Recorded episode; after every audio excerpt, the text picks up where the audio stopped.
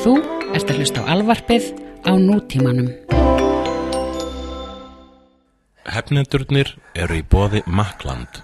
Takkland.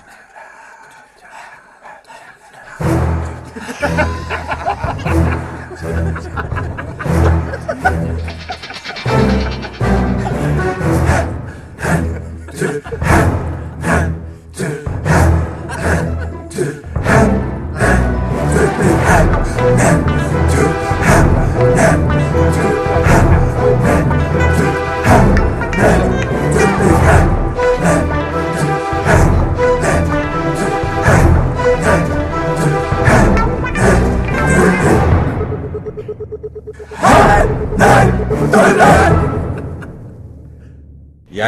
minn kæri Ævar.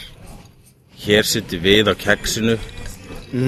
Útir, Ég frálsir, sól. með, ég með uh, vasklas Þú með uh, Long Island Iced Tea. Það komið sumar. Það komið sumar í suma og, uh, og það var eitt Frelsisborgari á leiðinni. Frelsisborgari á leiðinni Það var eitt sem var að renna upp fyrir okkur að núna eftir eina og halva mínútu verðum við hefnendur búinir að taka upp 100 klukkutíma af hefni. Það er rosalegt Mag Það er alveg allsvakalegt eins og hljómsveitin búdrýjandi myndi orða það. Þetta er orðið allsvakalegt. En við, við líka Þegar við byrjuðum þetta Þá var takmarkið okkur Að taka upp 100 klukkutíma.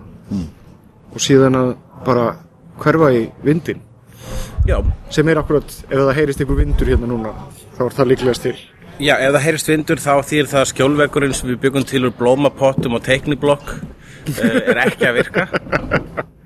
En uh, ég, núna þegar þessi, þessi 100 klukkutímar eru liðnir, Já þá ætlum við að hætta. Það, það, það var vist markmiðið okkar. Við ætlum að taka upp 100 klukkutíma hefnendum og síðan ætlum við bara að hætta. Kallt þetta gott aldrei, aldrei vera með hefnendu þátt aftur Já þannig að eh, hvað, maður getur þá loksins fara að snúða sér nú eitthvað öðru. Já. Eins og til dæmis barnegnum Býtu við þú að eignast börn? Já, ég er spegnum spenni, ég er búin að kaupa net og allt. Þannig að það er nefnilega sko þeir eru með svo stuttafætur að það er mjög auðvelt að ná þeim. Já. Uh, fullorðinir eru með lengri fætur en börn. Þannig að það er mjög auðvelt að veiða börn. Ok, þegar þú segir eignast börn þá mennur ekki að geta börn? Nei, það er þess að, já ég, ég, ég bara get ekki börn en Uh, en, jú, en ég er að hugsa sko vegna að það geti verið með svona lítið sirkus þar sem að börnin væru með skemmtiðatriði og svona temja ljón. Börn að slást við hunda hundaslag svona. Já, það er góð hugmynd. Já, ég hugsa, ég, ég, hver vill ekki sjá barn kýla hund? Ég myndi borga á það. Uh, hvað erum við komin núna? Við erum konir vel yfir tvær mínútur Nú, erum við, er, er komin hundrað klukkutíma? Já, við, við vorum rétt þessu Úhú, Já. opnum kampaðisflöskuna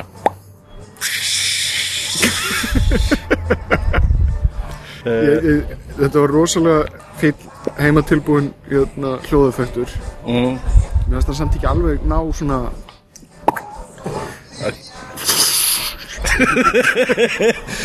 gerð þú, þú ég held að Ég held að ég nái be betra Þú- kampa þessu En ég næ ekki að gera kampa þessu svona, ég, svona ég, freyði ég skal gera flushið. Þegar þú gerir, ok, ok, tilbúin já.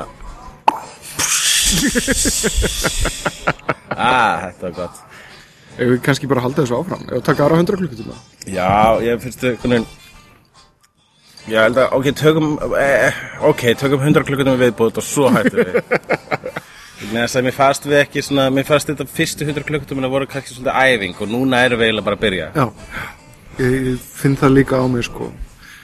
Ja, Og fyrir utan það kannski Telja yfirhefslurnar með? Já, það er talið með Það er alveg 12-13 klukkutímar í viðbútt Nú, og varst ekki að tala þar með með hund Nei.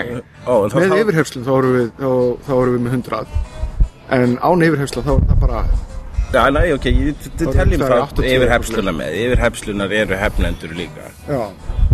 Já, auðvitað teljum við. Það er, Við erum líka farnir að byrta þær svona sem þætti.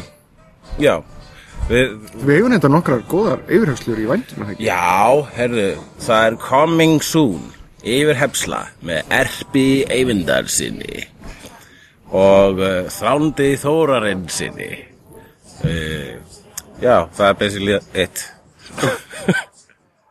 Ertu ekkert búin að taka við bróðin Nei, ég ætla að taka- eða... Ég, já, hann var að taka Ollu.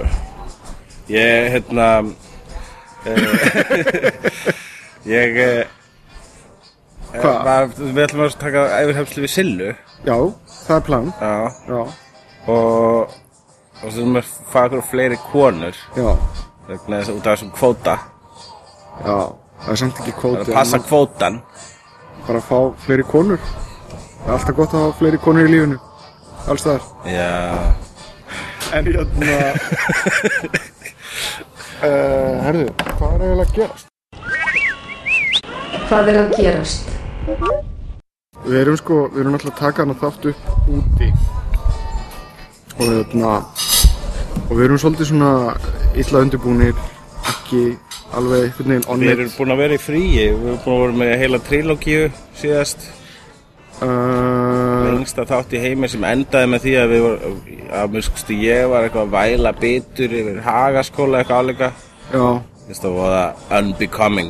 Ég meika ekki að hlusta þann kapla Nei, Aftur. það var mjög það mjög- ég eitthvað asnalegt eða? Þú sagðir ekkert aðstæðilegt, ég var bara eitthvað svona, þú veist, það var svona, ég var með svo kallar svona nerd rage Já, uh, Það er að segja, ég var svona hljómaðist ég átti eftir að gera upp við drauga fortíðar.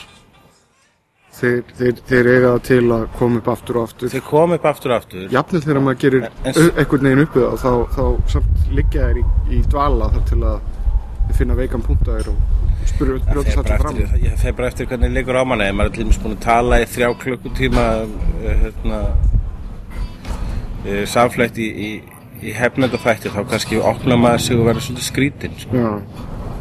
En ég meina, ég, ég trúi því staðfastlega að þessi það sem hann, hann hérna, Gilitrutt-sagan og eða Rumpelstiltskin-sagan eigi við í þessu tilfelli. Rumputuski í íslenskri þýðingu. Að þegar þú þekkir nafnið á einhverju þá, þá farðu valdi við því. Og hvað er nafnið á hverju? Já, ef þú þekkir raunir þínar þekkir það sem þú Já. eðrast og hræðist Já, þá, þá farðu styrk og valdi við því. Já ég vona það. Ég, hérna uh, Já. Þú varst svo, eitthvað svo ábúðafullu þegar þú sagðir þetta. Bara svona listi gaupnir þér og Já, það er eitt, það er skemmtilega við þetta sem varst að segja núna er það að ég veit ekki hvað orðið ábúðafullur þýðir eða gaupnir. En, en þú, þú- hvað segir þú? ert með, ert ekki með iPad hérna sem segir hvað er að gerast? ég bara, ég næ ekki inn í netsambandi hérna. Ok, ég skal sjá hvort að sími minn er með eitthvað. Uh, Jú, þeir eru hvað er að gerast, þeir eru búin að finna fucking Spiderman. Já, auðvitað. Já, einhvern lítinn krakka sem var góður í, í parkour. Já, og þess vegna réður hann. Og síðan einhvern leikstjóra sem að engi þekkir. Já, þetta lofur rosa góður. Ég, Mér finnst þetta jákvægt Því að Spiderman myndir í mishefnast aldrei Nei, en að sama tíma að þetta ekki, ég er hrifin af því að þið skildu vera að velja bara einhvern nobody og, og prófa eitthvað nýtt. Já, ég veit það, en það er bara, það er, sko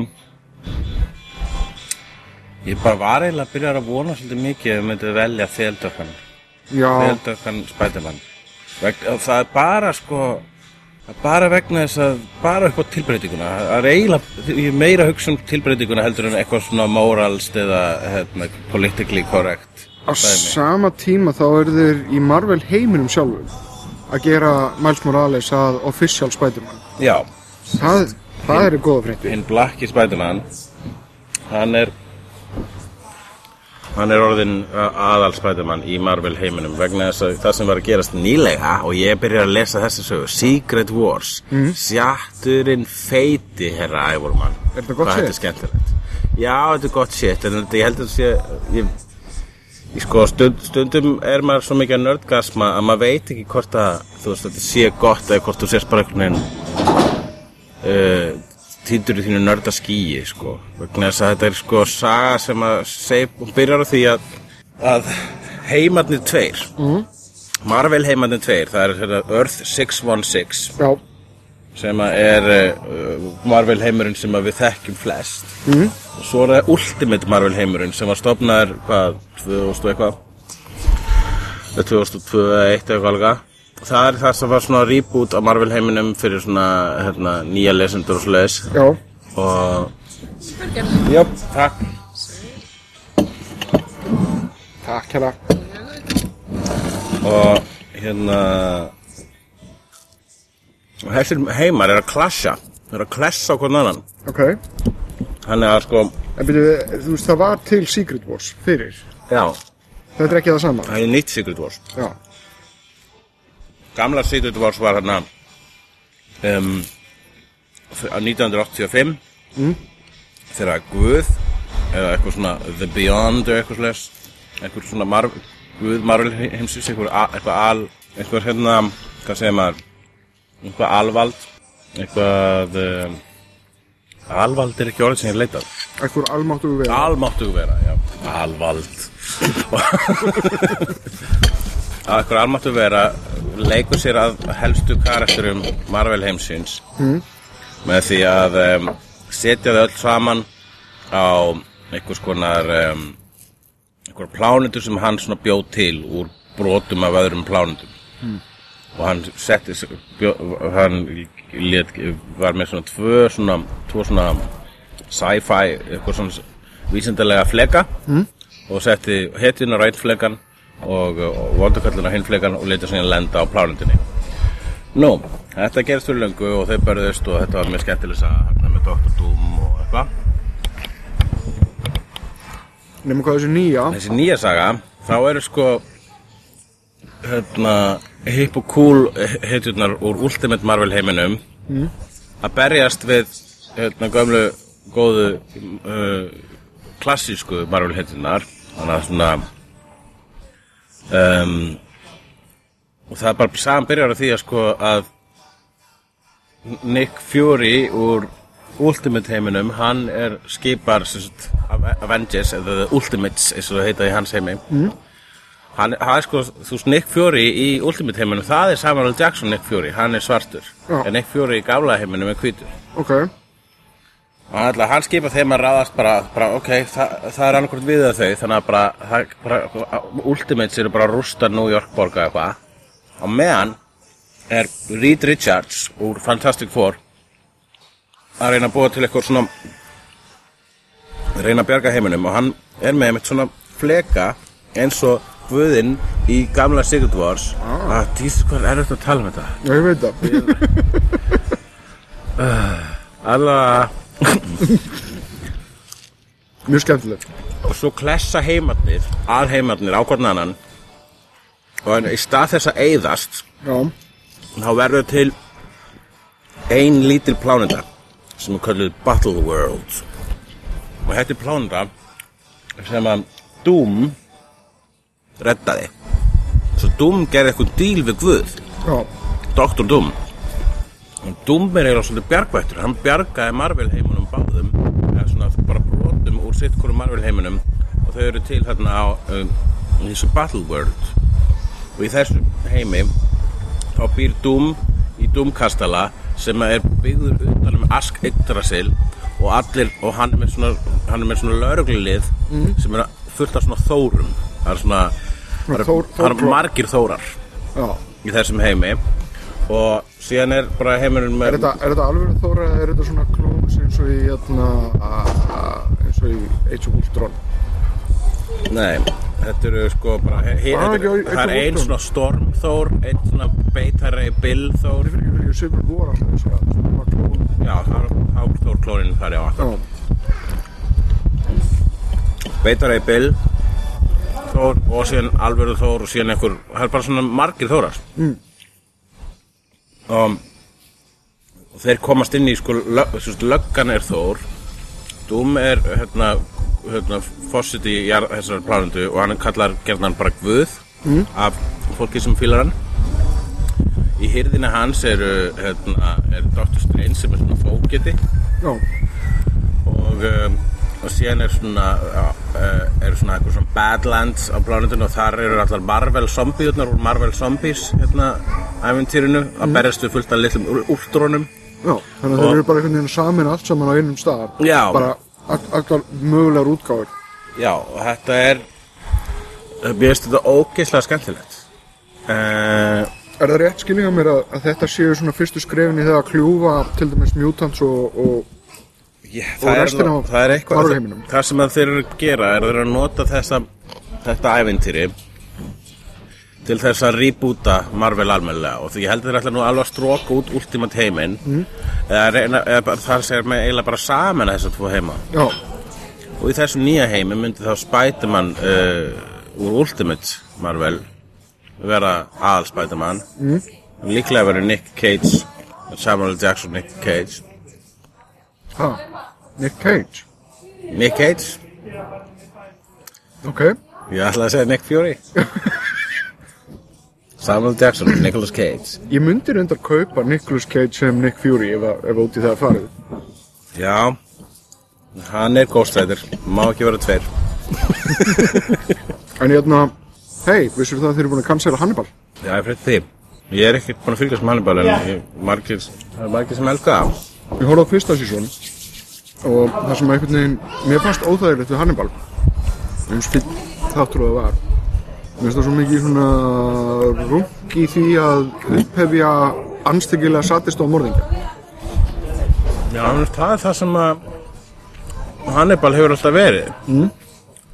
Það hefur alltaf verið máli með Hannibal Lecter og of the Lambs að, að þessi viðustykkilega fígúra er svona sophisticated. Já, ég veit að þetta er svona fagurfræðin sem þessi fylgir. Og það er svo sem alveg og þetta er, það er alveg rétt að sko raðmáringar eru ekki svona cool þeir eru algjör raumingjar, sorglegar verur. Mm. þess vegna er svona skemmtileg fantasíu fígúra að það sé hérna einn raðmáringi sem er svona rosalega vel máli farin hlustur óperur og, og dannaði gæi en hann var það einhvern veginn erketýpur ámóningarins allir búðalega klárir og sniðir og, og svona búið til einhverja flokna gildrur og drasl. Já, ég, þú veist svona, svona, ég sé aldrei þetta sem eitthvað svona upphafningu, það, þú veist, hljómar þá, þegar þetta er kallað upphafning á, á leis, hljómar er svo, hérna, þeir sem eru að gera þáttin eru markvist að láta þig finnast morð vera cool, mm. En það er bara það sem að entertainment hefur verið alltaf. að láta morð vera kúl Já, ég meina þú veist Það er allar myndir sem fylgum eru fullar af morðum tæknilega Já. Það er hvílegt mannfall í Lord of the Rings og Star Wars og við erum bara, wow, cool That og hvers, awesome hvers vegna að fara, þú veist, og þarna það sem er verið að gera í Hannibal er það ekki bara að vera að exploita það þetta er bara exploitation Já, eru sannlega svona áferðafallegir, eru mjög fallegir þættir. Reyndar allir teknir í þessum svona auðlýsingabláma. Svona David Fincher lukkið, þar sem að það er búið að setja filter yfir allt saman og greita þann lit út. Já, En hérna, já, eins og ég sé, ég horfði á fyrsta sísón og ég hef bara trublaði mig eins fínir þættir auðvitað voru að ég, ég til dæmis er mikill svona áhuga maður um crime, að lesa um alvöru glæpi. já, og þetta rýmar illa við þann veruleika sem þetta er ekki crime heldur. Já, þetta er ekki satt. Nei. það er engin raunveruleiki þarna. Þetta er allt saman mjög stílfætt og, það er mér finnst þetta ekki cool, ég fíla þetta ekki Nei, ég, bara svona á einhverju móral skilja. Ég skil þig, hann pyndna er, ég hef ekki hægt á þætti En þú hefur minnst á þetta áður.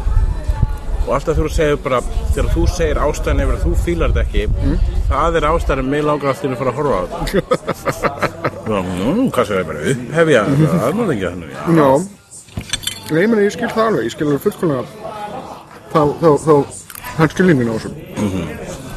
Og já. En Brian Fuller sem er sjórunurinn á Hannibal. Já. hann er að fara í önnu störf. Hann er sem sagt sjórunurinn á uh, sem sagt American Gods sem að, jötna, er að fara í framlýslu sem byggða bók eftir að Neil Gaiman. Já, hvenær kemur hann? ég veit ekki hvort það komi bara kannski næsta ári. Stári næsta ári. En hann er bara já, fara á leiðinni. Hefur lesið það bók? Nei, þetta er svona more of the same hjá honum Neil Gaiman. Já, það er svona allir guðir eru til og þeir eru atvinnuleysir eitthvað. Já. Svona heimilislífi guðana það er sem er sjanri sem að Neil Gaiman einhvern veginn fann upp Já. á einn vegum, á einn spýtum. Já, jú, ég man að þetta, þetta heitlaði mér mikið þarna í var það í Preludes and Noctures það sem að uh, uh, helvíti var til Nei, það er fyrsta. Ha? Ég veit sem noktum sér þegar hann, það byrjun Nei, það er þegar hann, já, þegar hann leysist úr prísundinni. Dólsás kannski þegar að Var það með ráðmækjum?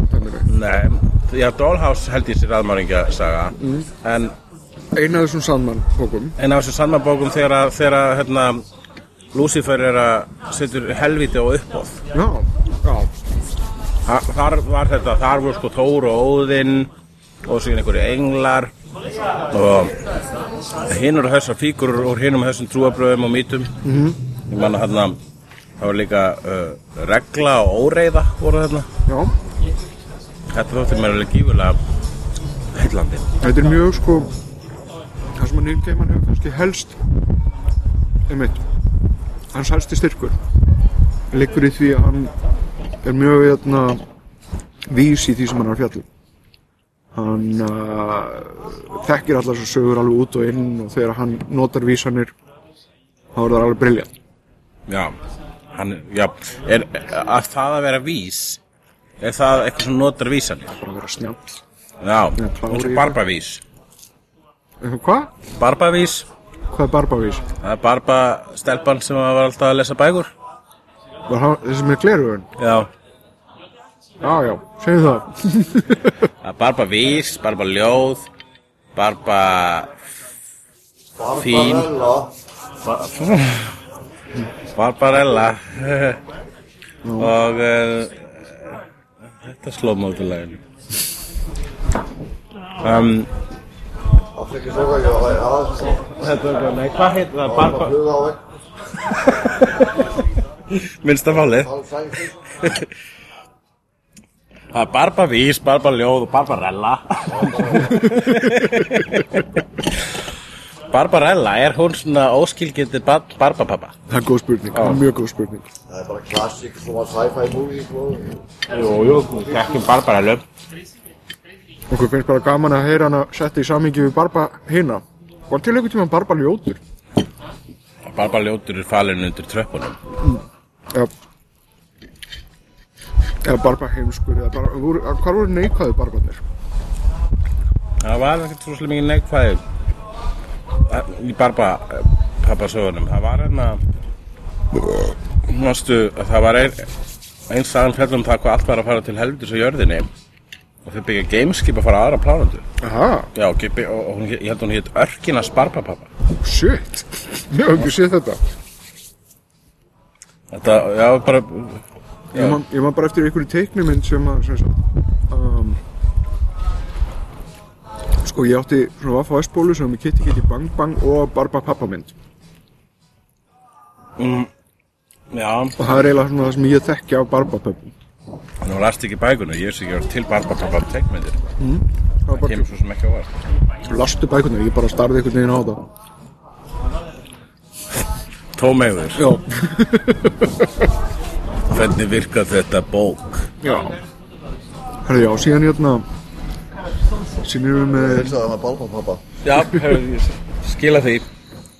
Já, þarna fengum við óvæntan gest inn í Já, það var maður á næsta borðið sem var hérna með innlegg í umræðin og, og það var reyndar kærkomið þegar ég segja svo er. Mér fannst Barba brellan hans mjög góð. Já,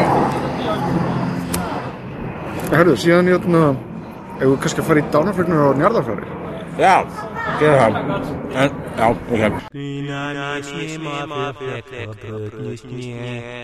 Dánarfregnir og njarðarfarir. Ok, og svo er það Kristoffer Lee. Mhm. Ha? Nákvæmlega. Hann það vel að svolítið mikið plássan Kristoffer Lee. Hann er svo mikið íkon gert svo mikið. Hann er pínu aðal hann hefur verið í viðlóðandi helstu franchise allra tíma. Star Það er Wars. Mhm. Dracula, Star Wars Lord of the Rings og James Bond. Og hann var gaurinn sem gerir tilraunir á Gizmo í Gremlins 2 Já, Þar leik hann ásamt tvíburunum sem leiku í Terminator 2 líka. Og hann var með svona var body snatchers og svona pot í hann- þegar hann kemur fyrst inn? Já, akkurat Það var nú fínasta mynd þessi Gremlins 2 góð ræma uh, hann gerði líka heavy metal svona historical plötur. Já, þar sem hann söng bara metallög um, um svona, þú veist, Kalla Sögur- Magnús og eitthvað svona drast Já. Og, um, og hann og jó, var hann ekki líka eitthvað svaka svona var hann ekki duglegur eitthvað svona í hernum og eitthvað? Jó, hann var, hann var njóstnari njóstnari Já, hann var hann var að gera alls konar sitt í, jötna, í hvort hann mér er að segja, ég held að, ég held að Ian Fleming sem að skrifaði James Bond hafi verið frændans. Og þeir spiluðu golf saman. Og hann átti á einhverju tífumpunkti samkvæmt Ian Fleming eða sem sagt sagði Ian Fleming honum að leika James Bond. Mm. en það bara glemdist einhvern veginn. Hann er ekki alveg hann er samt ekki alveg típan til að leika James Bond. Hann er ekki hérna svona hetja? Nei, hann er vondikall, hann er, hann er erki vondikall. Það er eiginlega hægt að, valla hægt að ímynda sér betri vondakall heldur en Kristofur Lee. Hann er bara með lúkið, hann er með röddina.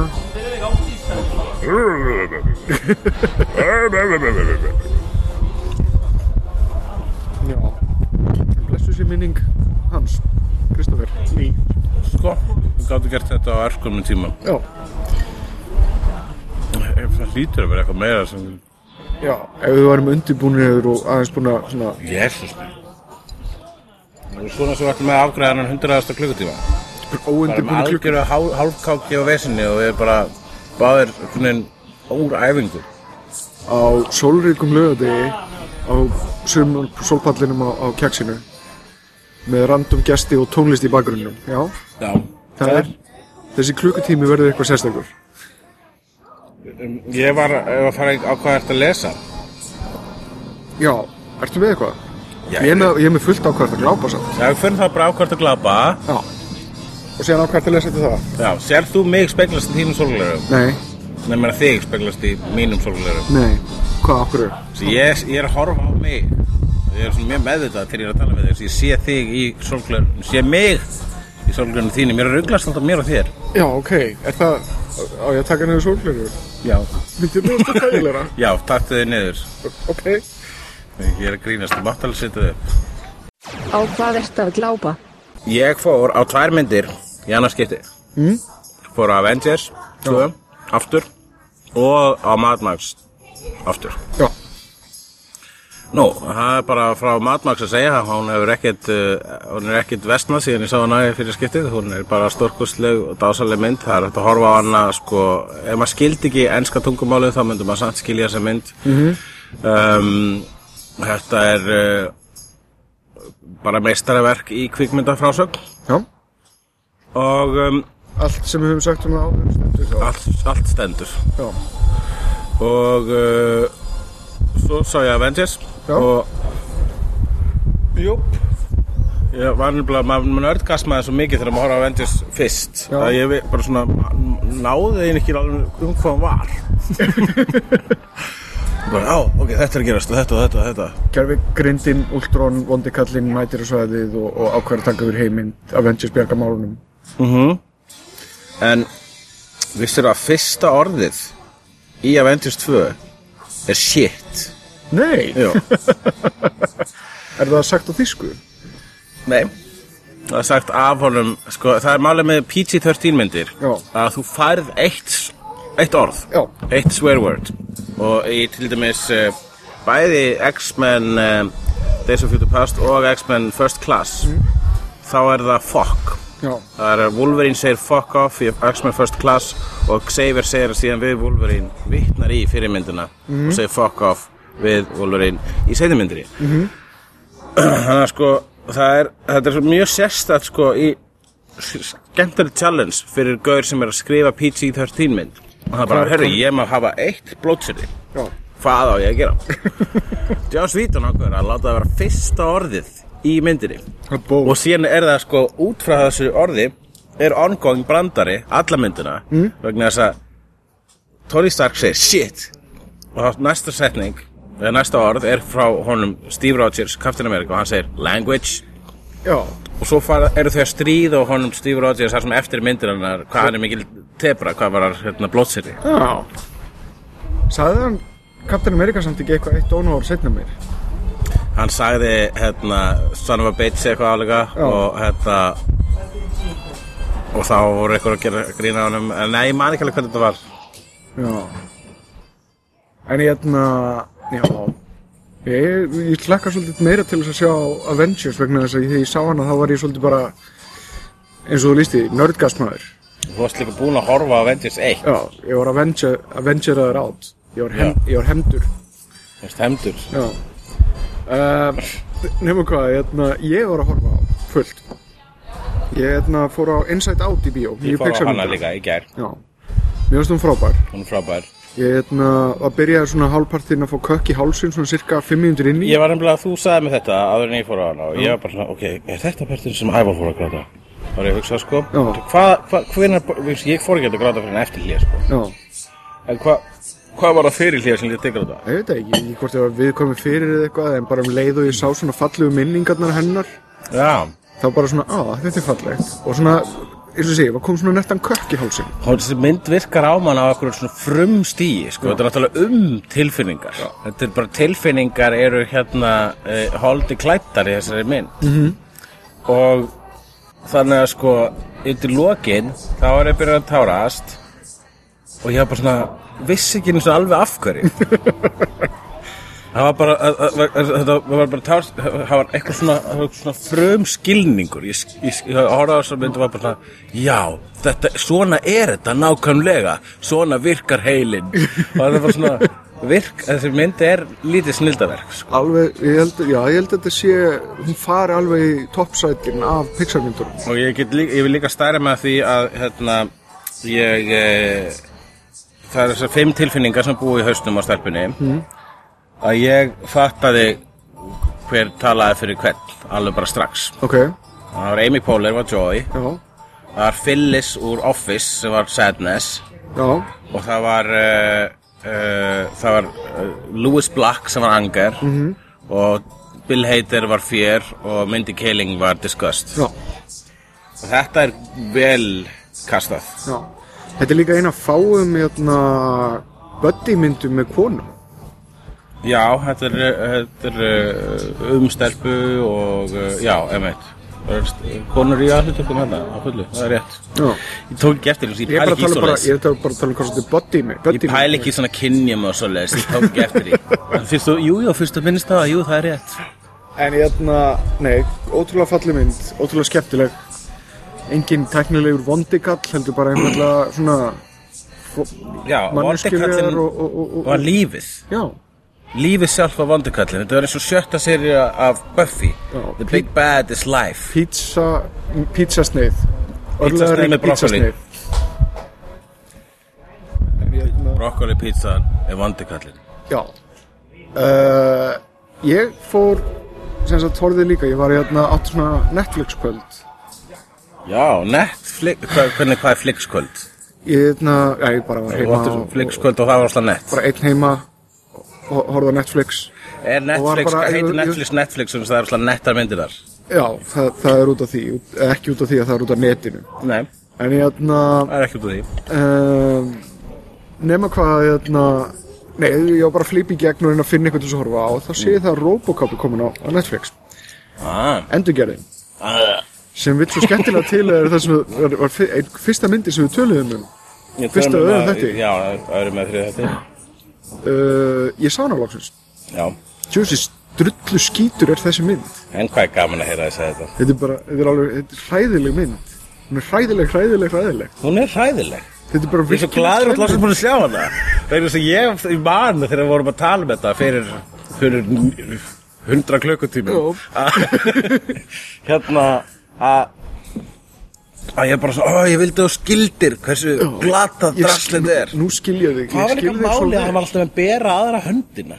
Ég, Það var bara svo ljótasti hönnunagalli á þessum annars glataða búningi bæði vegi. Já, og líka bara einfallega hvernig hann var allir fríkaður til og, og var með meiri sans og meira vit Já, og líka þetta með fjölskylduna. Já, hvað er verið að þvæla því inn í er bara, þið tóku hugmyndinu það, það væri gerð vélögga með manneskunan í og síðan skildu þér allt góða dótið eftir. Já, allt, og þetta byrjaði mér sá, sko, var potens í byrjuninu þegar það var hérna velmenni í Írak eða eitthvað.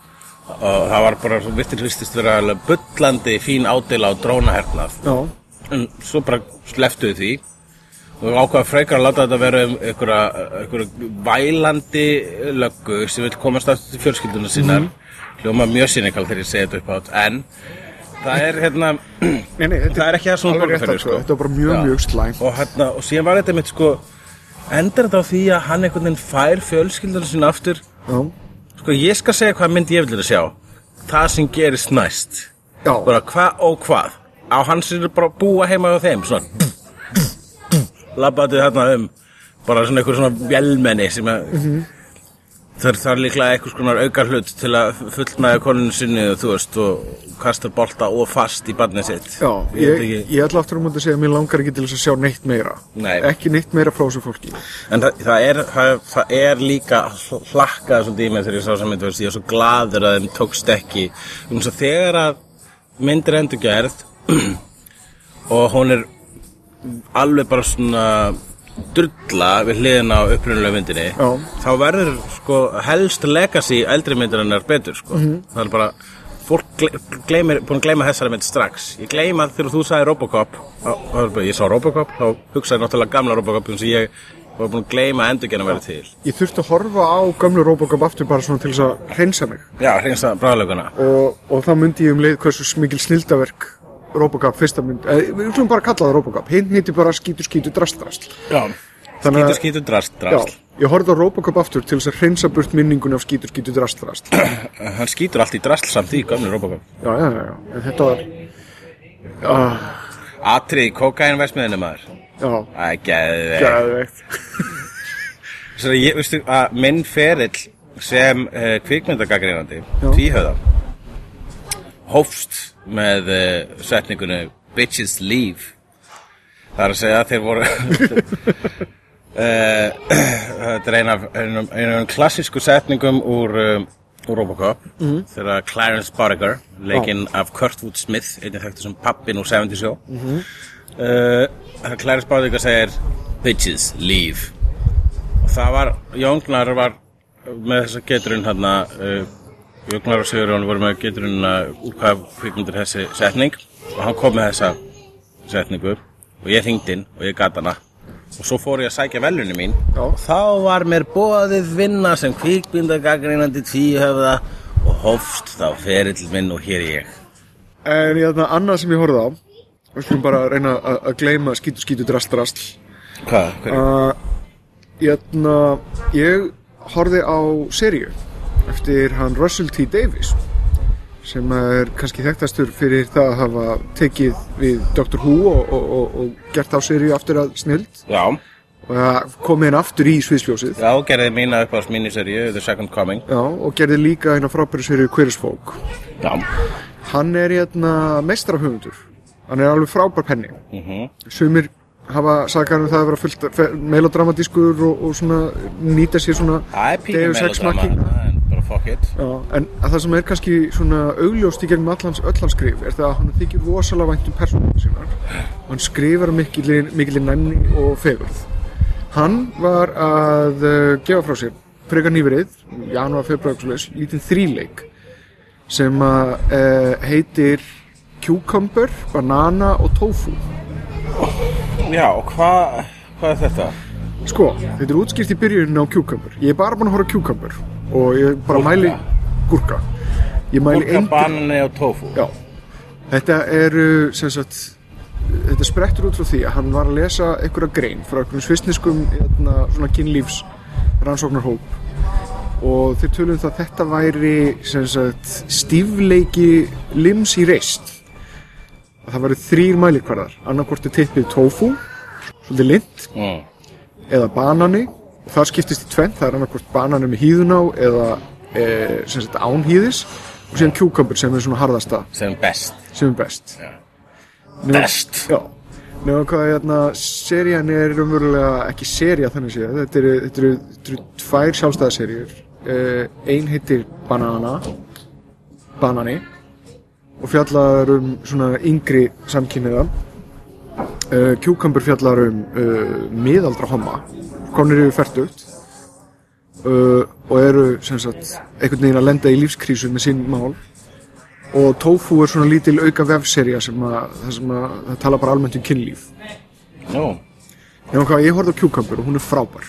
Já, Þetta er svona, það er ekkit, er ekkit er enga sprengingar eða byssur eða hasar eða læti. Það er bara hámar með bónir bara, já, fyrir út um allt. Já, uh, svo sannarlega, sérstaklega í bandarækjum þessu dagana.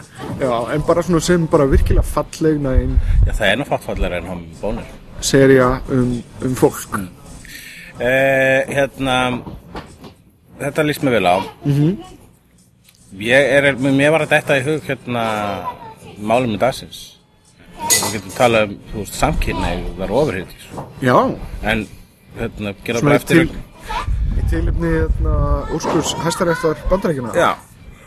En uh, ég ætla samt að segja hvað ég er meira búin að vera að glaba á. Þess að ég er búin að fara svo svolítið mikið í bíó. Ég fór á Jurassic Park. Jurassic World. Jurassic World Park, what the fuck ever. Ok, og hérna já, risaðlur risaðalöður og svo fór ég á hérna það er nákvæmlega eina sem er að segja þessu mynd. Ég, hérna uh, Chris Pratt. Chris Pratt bara, já, veist ég hef heyrt einhverja hvarta yfir þessu mynd. Yfir að hún sé amerísk og klísukend sem að er sko það er ekkert klísukendara en að kalla ameríska mynd klísukendara Já, það er bara svo, djöð, þetta er dæmigjört Hollywood. Obviously er þetta dæmigjört Hollywood. Sérst- þetta var gert í Hollywood já, ekki, ég sá Hollywood, það er í í Indlandi en Hollywood. Það er, þú veist, það er Holly- það er- Bollywood nei, Bollywood er Indlandi og það er líka Tollywood. Tollywood er uh, norðar, skils mér. Ok. Ég, man bara eftir Nollywood líka. En Hollywood er í Nígeríu. Nefnum hvað, ok, risaðlur um, það er um, já, Kvikmyndir risaðlur, risaðilegur hlaupa frábært. Já, Var, gaman? já, ég skemmti mig konunglega ég meina risaðilegur Risaðlur uh, og þú veist, þú getur sögutráð eða personur og bara svona þá ertu að, þú ert að sóa orku. Þú ert að sóa tíma að vera eitthvað svona kvarta yfir bara, hey, hvað er að málið með pe personursköpunin Jurassic Park 4 bara, ó, já, fórst, fó, fórst þú á myndina til að sjá personursköpun já, þú viltist hefur, þú veist, hvað það er skrít, það skrítið að kvarta yfir Jurassic Park fyrst mér vegna þess að risaðlur Risaðlur risaðlur Risaðlur og Hvað fyrir það sástu? Risaðlur Þetta er svo Seinfeld. He's got dinosaurs. Um, uh, Já, svo fór ég á uh, Spy með henni Melissa McCarthy. Já, ég er svolítið spenntur að sjá Já, hana. heyrðu, hann heitir hvað aftur Gaurin sem legstir þessu? Paul Feig. Paul Feig Hann uh, er back Hann Heat var ekki alveg jafn góð og Bridesmaids. Já, En þessi náði aftur svona svolítum Bridesmaids hæðum og Melissa McCarthy hefur eiginlega aldrei verið betri. Já, ógíslega fyndin og líka skemmtilegt að hún fór inn í sko að vera viðkunnarlegu karakter, var ekki að vera mikið svona gross out svona hérna að að reyna að vera og hún þarf þess ekkit, hún þarf ekkit að vera eitthvað svona endarist með prumpuhumor eins og ég held að kveikmyndin Tammy hafi verið. Já, já, ég sá hana, hún að- mjög, mjög leiðileg. en hún eins og allir sem hafa séð Gilmore Girls hún er bara svo, hún veldur svona viðkunnarlegum karakter svo vel. Og þarna var hún bara svona maður var bara skotin í henni frá upphæfi vegna að hún var bara svona góð manneskja sko. og, en alltaf í aðstæðlegum aðstæðum. Já, og drullu fyndin mynd, ég hló allan tíman uh, ég fór sig hérna Entourage The Movie. mhm Mér finnst einhvern veginn eins og við ættum að hafa eiginlega, eða þú, heilan þáttum Entourage. Ég, það ég er búin að segja allt sem þetta segja um Entourage og þessi mynd bætir engu við Þannig að var hún góð? yeah. Var hún bara svona áframhald? Þetta var bara með entourage Meira? Rísæðlur Nei, það var sko hérna uh, Þetta er bara, e, sko Þetta er nákvæmlega sama þegar Sex and the City myndin kom Ef þú elskar Sex and the City þá myndu elska myndina jafnvel þóttum sé ekki jafn góðu besti and the City þátturinn. Og þessi, þessi mynd er langt í frá Skítur sko. Já, ég hef aldrei séð Sex and the City 2 og ég finnst, ég vona að koma ekki Andröðs 2 vegna þess að mér finnst þetta sem bara búið. En hérna uh, þessi mynd er eh, langt í frá besti Andröðs þátturinn. Mm. og uh, mér finnst uh, Já, hann sko, Vins, hérna, alpersonan með kvikmyndastjarnan er ein leiðilegasta persóna sjóarsöguna. Gerðu þau þau mistök að láta þetta fjall um hann meira?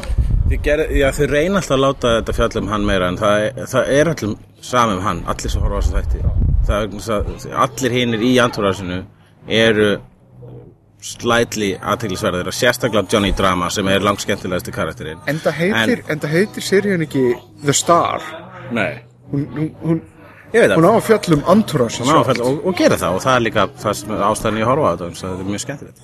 En, en lang, lang skemmtilegasta personan sko, að næst, það er, er Ari Gold. Já. og ég hef viljað sjá miklu meira af honum í þessari Spin-off kannski Mér finnst það ætti að vera til uh, Ari Gold spin-off en, en rauninni sko bara að horfa, ef maður horfir í gegn á allt andras þá er það Ari Gold sem heldur þessu uppi, hann er stórkosluður, stórkosluður karakter sko. Já, en ég meina er hann með eitthvað meira stikk heldur en bara Oscar á að vera reyður Gera lítið það, Ekki mikið meira en það, nei, en það þreytist ekki. En það er gott stikk? Já, það bara er á æðislegt og hans samband við uh, samkynniða aðstofum sinn er, er, það er eitthvað fallegt þar í gangi sko. Uh, og uh, þá held ég að ég sé búinn að tellja upp allt sem ég sá í bíó. Mm. og mér langar að tala um hvað, á hvað það að lesa. Ákvörðu að lesa. ég er búinn að vera að lesa ég las Squirrel Girl. Squirrel Girl. Það er overheadja sem að ég hef einhvern veginn aldrei náða að tengjast almennilega við. Já, ég meina þú, þú hefur ekki tekið tækifæri til þess það er ekki svo sem búinn að vera áberandi neitt Nei, en hún hefur byrst í hinum af þessum blöðum uh, Fyrst í, í Avengers nýlega, hún er barn- barn- barnapíanas Luke Cage. Uh, Hún fekk sína eigin serju sem er svona húmorísk Marvel serja Squirrel Girl er að byrja í háskóla og er eitthvað svona að þig, hérna, að þykast vera venjulega manneskja með svona alter ego og hérna, og Squirrel Girl er sko með íkornaskott. Já. hennar power er það að hún getur talað við íkorna og, uh, og, og er með proportional strength of a squirrel og hérna, sem er hversu mikill Já, það er alveg eitthvað. Og svo hérna og svo er hann með skott. Og er með svona íkorna skott og svo fyndið, hérna Daredevil meikar ekki Squirrel Girl. Þetta kom fram í Avengers Daredevil, eh, hún er hins vegar mjög skotin í Daredevil, finnst hann hot. Já, en hann meikar hann ekki, hann er með svo mikið lyktarskinn og hún lyktar þessu íkorn en Squirrel Girl, hún er rosalega krútuleg og skemmtileg persóna.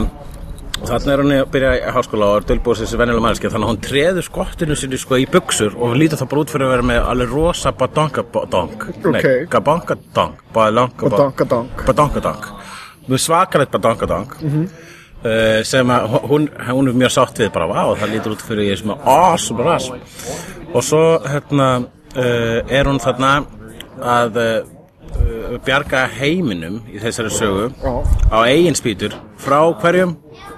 Og það er bara svona svakalega stóin uh, Marvel heimsins Thanos? Næ, stærri. Galactus? Já, Squirrel Girl á móti Galactus? Squirrel Girl á móti Galactus. Shit.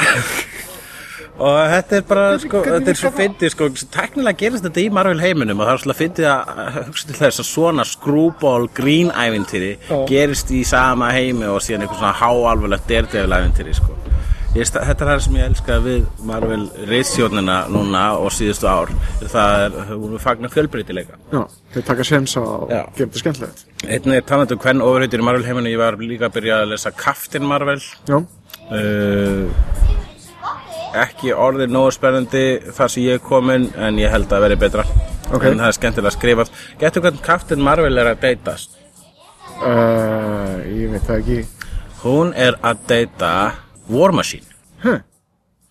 en veistu hver veistu hver Kitty, hver Kitty Pryde er byrjað að deyta Kitty Pryde þarf að segja Shadowcat og X-Men Nei hún er byrjað að deyta Starlord Ha? já þau eru í fjarsambandi og hann er alltaf að ringi henni gegn, gegn svona hologram síma Ég meina, er ekki Starlord player? Ég meina, er hann Já, ok, maður sem þau, ég- þau eru ekki exclusive held ég sko Ég Ok. okay. megi alveg svo hjá öðrum Já, hún, er nýbúin, að deyta Iceman sko og hætti því bara mjög fljótt, það var bara eitt date sko. Á svipunum tíma og Wolverine var að sofa hjá Storm. Ah, margt að gerast. Já, þetta er spennandi heimur. Ef að taka málið til dagsins núna? Já, Málefni dagsins. Hæstiréttur bandaríkjana var að uh, kveða upp úr í sambandi við lögliðingu hjónaband samkynniðra Já, sem því það að samkynniðin er giftast haldið, við erum með vélmenni á Mars. Já, og, og ekki var samt núna að lefa þetta. já. Þetta hefur reynda verið leift í einhverjum fylgjum en, Jú, jú. en, en núna er þetta bara leift yfir öll fylgi og uh, það er bara lögum samkvæmt og þú getur ekkert verið að setja þig á móti því þótt að, þótt að þið finnist að samkvæmt einhverju úreldri bók að það, það megi það. En það er gleðið hérna og sjá ég með Kellan og Derek Jacobi gera svona krútlegt myndband um það og, og það eru flesti sammála um það að þetta sé gott? Jú, ég meina þeir sem eru ekki sammálaðum það eru bara, það er ekki þess. Þá- Ég er ekki búin að heimvend frá Vestboro Baptist, Baptist Church en þá, en ég hlaka til að, að sjá Það viðbröðum hefur ekki verið eitthvað svona meltdown í gangi þar? Já, kannski eru það öll bara bókstæðlega að bráðna núna að segja What a world, what a world, what a world. Ég er samt, ég, hef einhvern veginn farin að efast um það að þau trúi þessu jafn einlæglega og þau geri á þessum tíumpunkti. Þetta er bara, all, sönnöngum benda til þess að þau hafi rámt fyrir sér. En þetta er orðin bara reisast og business fyrir þau. sko. Vondi Al, Fred. Já, hann dó og, mamman, dóttir hans Mhm. hún er núna head of church Já, en hún er alveg, svo, hefur séð hann að þáttin þegar hann uh, hann uh, Louis, hvað heitir hann Louis Theroux Já, fer og hinsækir þau. Já, Já, það er frábært þáttur. svakalegt. Hataðasta fjölskylda bandaríkjana En þau eru svona, eins og segi, þau, þetta er business hjá þeim, skiljur. Þau fá styrktarpening frá hinum og þessum sem eru fylgjandi þeirra hatri og, og selja bóli og drasl.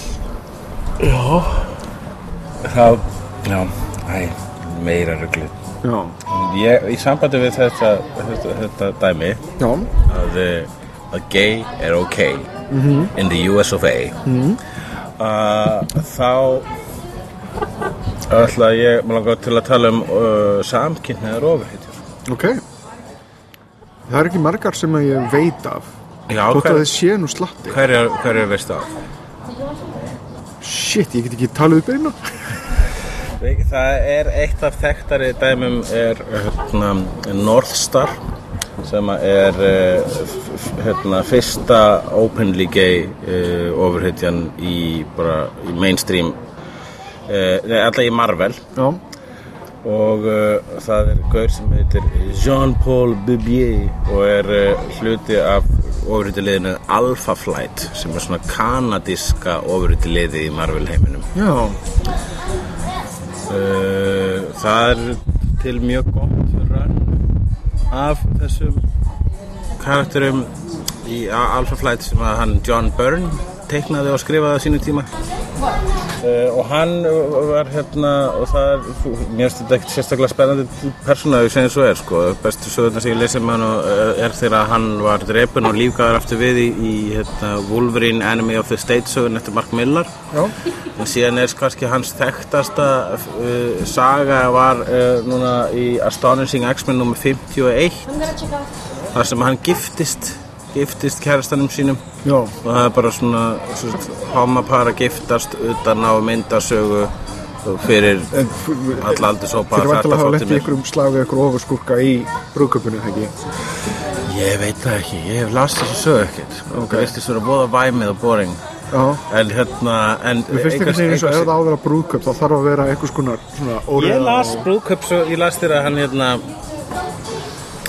uh, þegar að Cyclops skiptist Jean Grey Já. í X-Men fyrir 20 árum eða eitthvað það var engin það var engin ofurskurkur sem að reyðist á það þar sko. Ok, hins vegar þá las ég líka þegar Dragon giftist sinni kærustu í hérna Uh, í Savage Dragon blöðunum og þá var, þá var hún náttúrulega drepin af eitthvað ofanskurki, sko, Já. var bara algjör ískapakelling en uh, en uh, mér finnst gaman þegar það gerist ekkert. Mér finnst þegar það gerist ekkert í, í X-Men, það er- gerist stundum svona X-Men er náttúrulega svo mikið um sko, svona þeirra tengsl og þeirra vináttu og svo leiðis mm.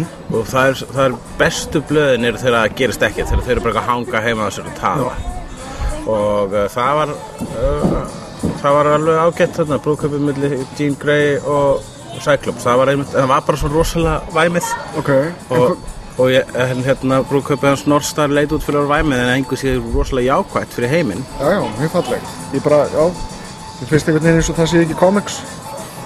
En það er talað um sko, en, en það var það var, ég las líka uh, skiptið þeirra uh, uppáhalds mm -hmm. samkynniðu ofurheitunar mínar giftust sem eru Apollo og Midnighter Já, úr ofurheiti liðinni The Authority sem að Warren Ellis skapaði fyrir Wildstorm heiminn sem að setna saminast DC heiminum sem ég er eindreið á móti. Ég vil að Wildstorm heimurinn staðandi einn og sér vegna þess að það er næstu uppáhalds ofurheitu heimurinn minn. Já, En uh, hérna uh, þetta eru karakterar sem að maður sá fyrst í Stormwatch sem að er svona hérna ofuröyti lið sem Jim Lee skapaði til að byrja með maður rétt svo, svo var það frekar svona boring blöð þangar til að Warren Ellis tók við þeim og byrjaði að skrifa þau og hann samdi nýja karaktera sem setna saminist í ofuröyti liðinni The Authority. En þar voru kynnti til sögunar tveir aðilar sem á hétu Apollo og Midnighter.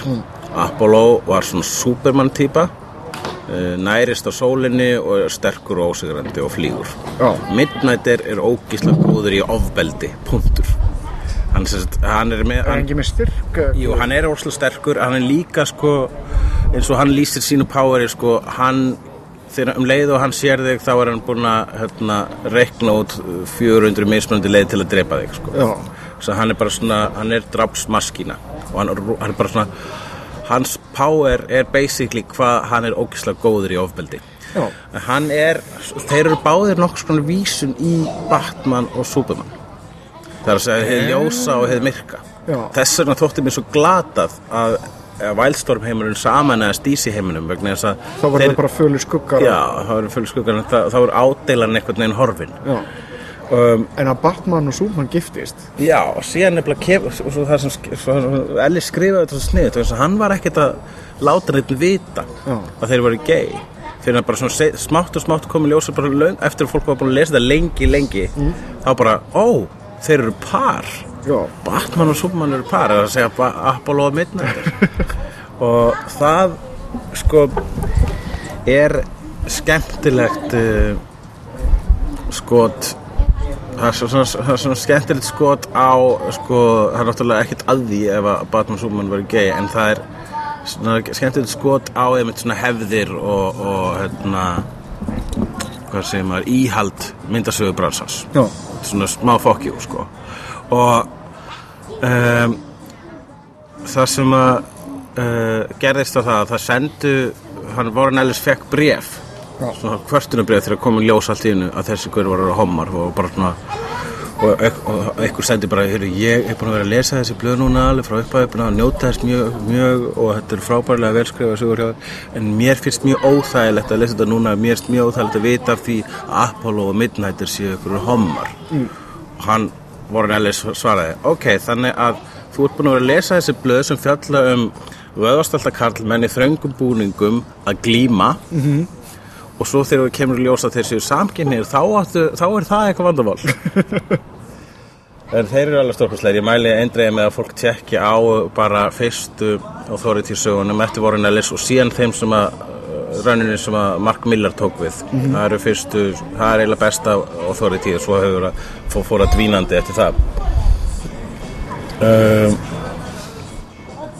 fleiri og samkynniðar overheitsjur eru? Já, það er náttúrulega Batwoman. Já, ég veist ekki, hún var ekki. Hún var það ekki fyrst, sko, finna er sko uppröðulega Batwoman sem heitir Kathy Kane hún var eitthvað svona sirkuseigandi og, og áhættu fíkil sem að hérna var eiginlega skrifuð inn hún kom 1956 í blöðin og hún var skrifuð inn í uh, inn í hennan DC heim vegna þess að það voru sko hérna, DC var að fá ásakanir frá sko svona einhverjum íhaldsmönnum um það að Batman væri aðeins of gay. Hangandi með þessum hérna, litla drenga alltaf alla daga og er alltaf að klæða sig í leður og eitthvað.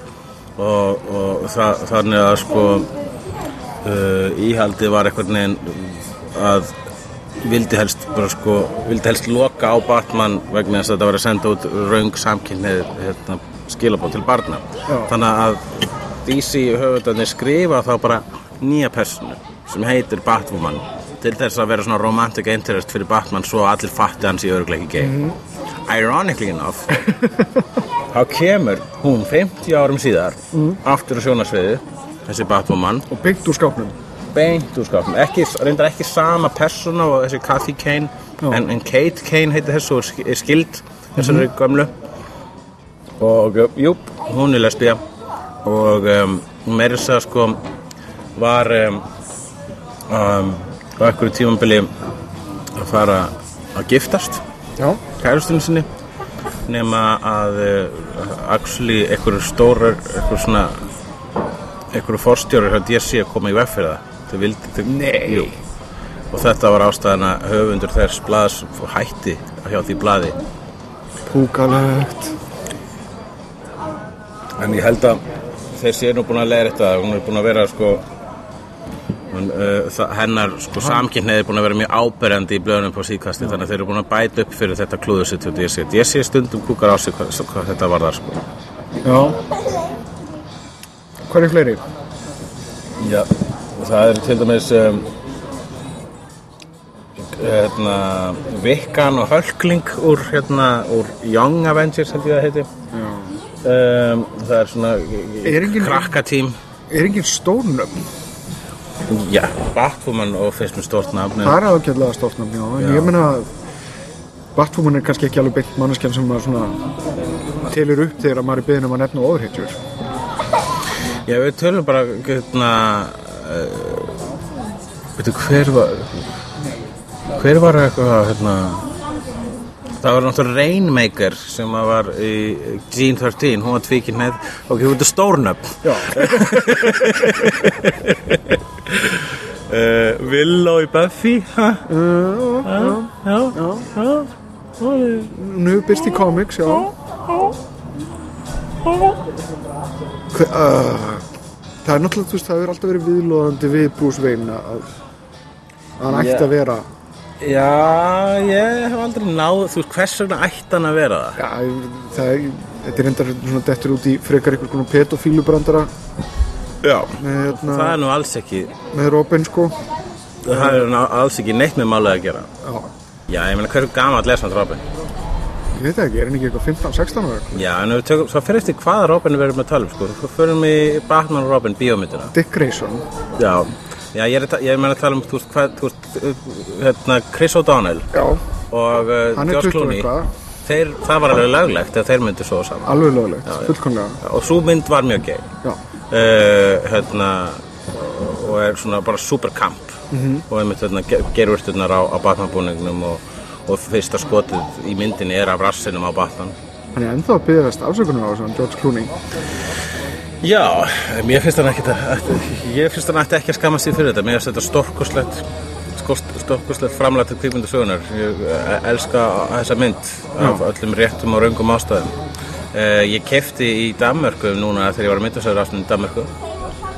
Þá kefti ég skal ég þeir segja uh, svona brúðu sem ég fann af Mr. Freeze. Ok, úr, úr þeirri mynd Já. það er svona- Arnold Schwarzenegger dúka það er stórkostlegasti gripur sem ég nokkuð tíma keft mér og veistu hvað ég var að, út að borða með Art Spiegelman hvernig var það?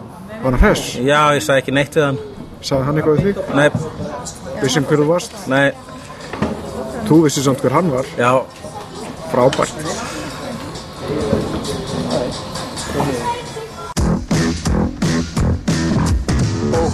Fjör má alltaf sjá. Í Reykjavík. Á landinu um loftin blá Líka á sænum. Hættur og háski Látur og gáski. Hefnendur Í Reykjavík. Hefnendur Í þess Hefnendur Hefnendur